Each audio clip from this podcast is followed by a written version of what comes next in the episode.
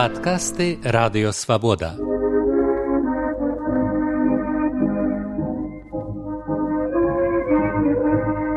Падарожжа ў БНР з Сергеем Шупам.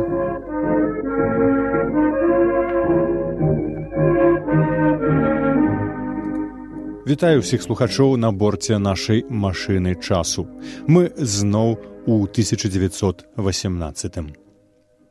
У Маскве з'явіліся і беларускія бальшавікі. Група дзеячоў, незадаволеная ігнараваннем іх бальшынёю беларускіх арганізацыяў, пайшла на службу да маскоўскіх бальшавікоў. Савет народных камісараў даў ім грошай на выданне беларускай газеты дзянніца і на арганізацыю нацыянальнага камісарыяту ў Маскве. Уплыў гэтай бальшавіцкай установы пашыраўся на смаленскую і частку віцебскай губерняў большую частку сваёй працы члены беларускага бальшавіцкага камісарыяту грамадзяне жылунович чарвякоў скарынка войтка і іншыя аддаюць тыднёвай газеце дзянніца дзе няспынна пішуць усялякія несянеціцы пра паўнамоцныя беларускія цэнтральныя арганізацыі ў вільні і менску. Пішуць у газеце даносы на паасобных дзеячоў заклікаюць чытачоў да барацьбы з імі і падобныя І ўсё гэта за некалькі дзясяткаў тысячаў рублёў, седзячы ў цёплых апартаментах сацыялізаванага маскоўскага асабняка, далёка ад шматпакутнага беларускага народу і ад цэнтраў беларускай культуры і дзяржаўнага жыцця. Гэтак інфармаваў грамадскасць народны сакратарыят у Менску. Газету вядзе Жылунович і на нас усіх разам з вамі сабак вешае, наракаў Язэп варонка ў лісце Антону Луцкевічу.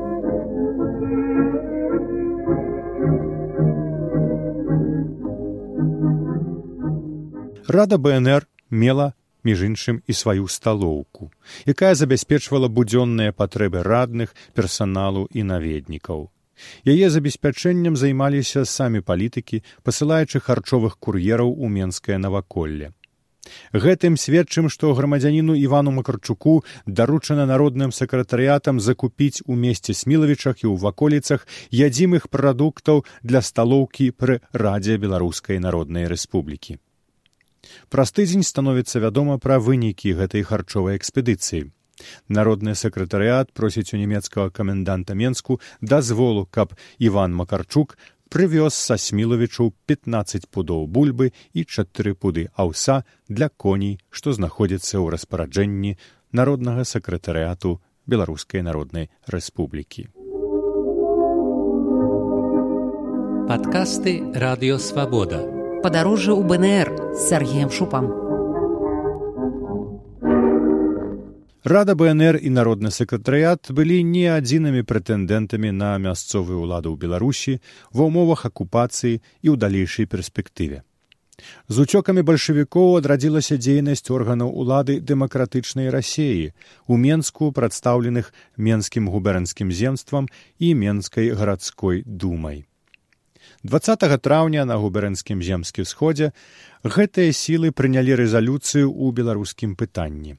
Яны пацвердзілі вернасць пастановам усебеларускага з'езду пра аўтаномію беларусі ў складзе рассеі, прызналі правільным выдзяленне грошай радзе бнр у пачатку яе дзейнасці, асудзілі курс рады і народнага сакратарыату бнр на адтаржэнне ад рассіі.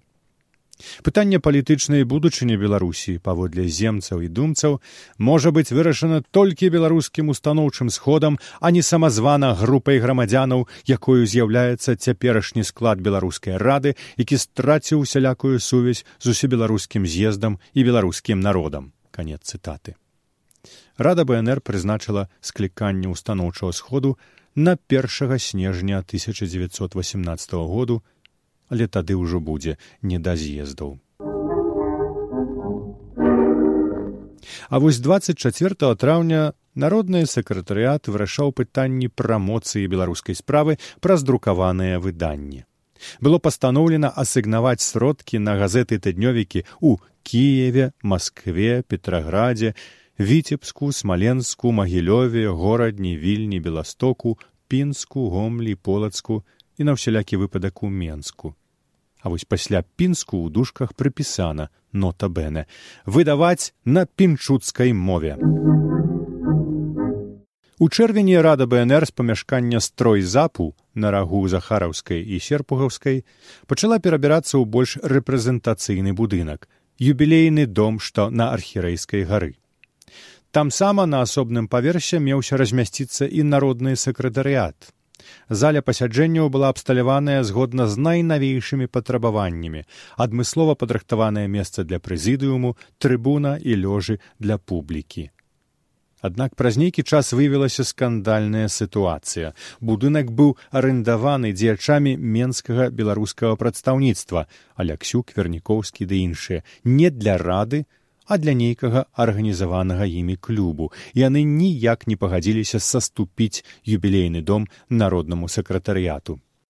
Такім чынам рада і народны сакратарыят і надалей засталіся ў доме нумар 43 на захараўскай вуліцы займаючы там каля двадцаці пакояў на трэцім паверсе.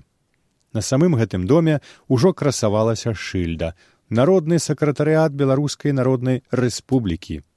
А ў справаздачы касы народного сектарыяту было пазначана за вывеску для секретарыята і кручкі 34 рубля 20 копеек. Камісія, што займалася выпрацоўкай дзяржаўнай сімволікі і ўвядзеннем гістарычных дзяржаўных тэрмінаў, паспела замяніць касу з граблямі на пагоню. Адным з наступных крокаў была замена ўсёй дзяржаўнай тэрміналогіі. У адмысловым праекце прапаноўвалася зрабіць такія змены. Беларуская народная рэспубліка рэч паспалітая беларуская, рада бнр вальны соем рпб старшыня рады галоўны маршалак народны сакратарыят рада рэчы паспалітай беларускай старшыня народнага сакратарыяту канцлер рэчы паспалітай беларускай народны сакратар фінансаў падскарбі земскі. Кіраўнік справаў генеральны пісар сябры рады паслы вальнага сойму правінцыйныя рады соймікі устаноўчы сход вялікі вальны соем старшыні маршалкі гарадскі галава войт гласныя это значыць сябры гарадской рады лаўнікі урадавыя распараджэнні і акты устаўныя граматы універсалы і гэтак далей Праект гэты сустрэў спачуванне ў новым сакратарыяце, это значыць скірмунтавым, і меўся быць зацверджаны яшчэ ягоным папярэднікам, першым складам народнага сакратарыяту. Уй не, радаю рэчы паспалітай. Але відаць, там сядзелі людзі крыху менш рамантычныя. Падкасты радыёвабода. Падарожжа ў БНР з Сергеем Шупам.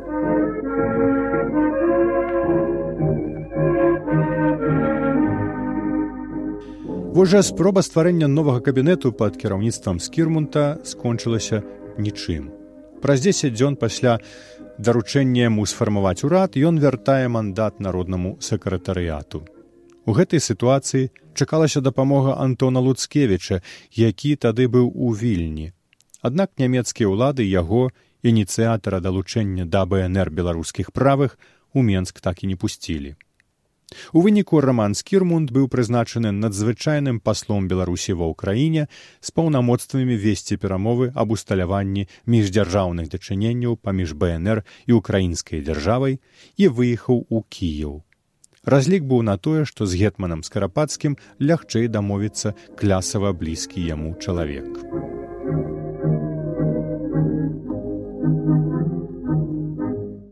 26 траўня ў старшыні народнага сакратарыяту язэпа варонкі адбыўся банкет.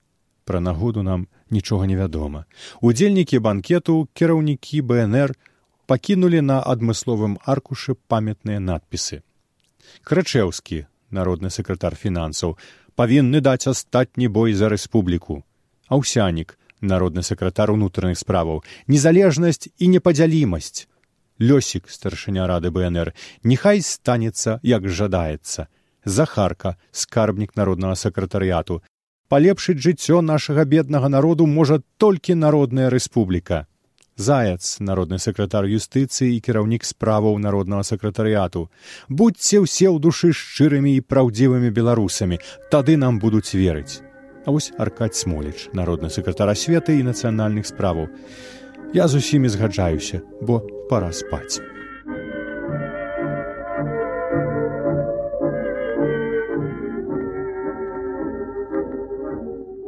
Вы слухалі падкаст радыёвабода. Наступны выпуск праз тыдзень. Усе падкасты свабоды ў інтэрнэце на адрасе свабода кропка орг. Штодня у любы час у любым месцы, калі зручна вам. Свабода кропка орг. Ваша свабода.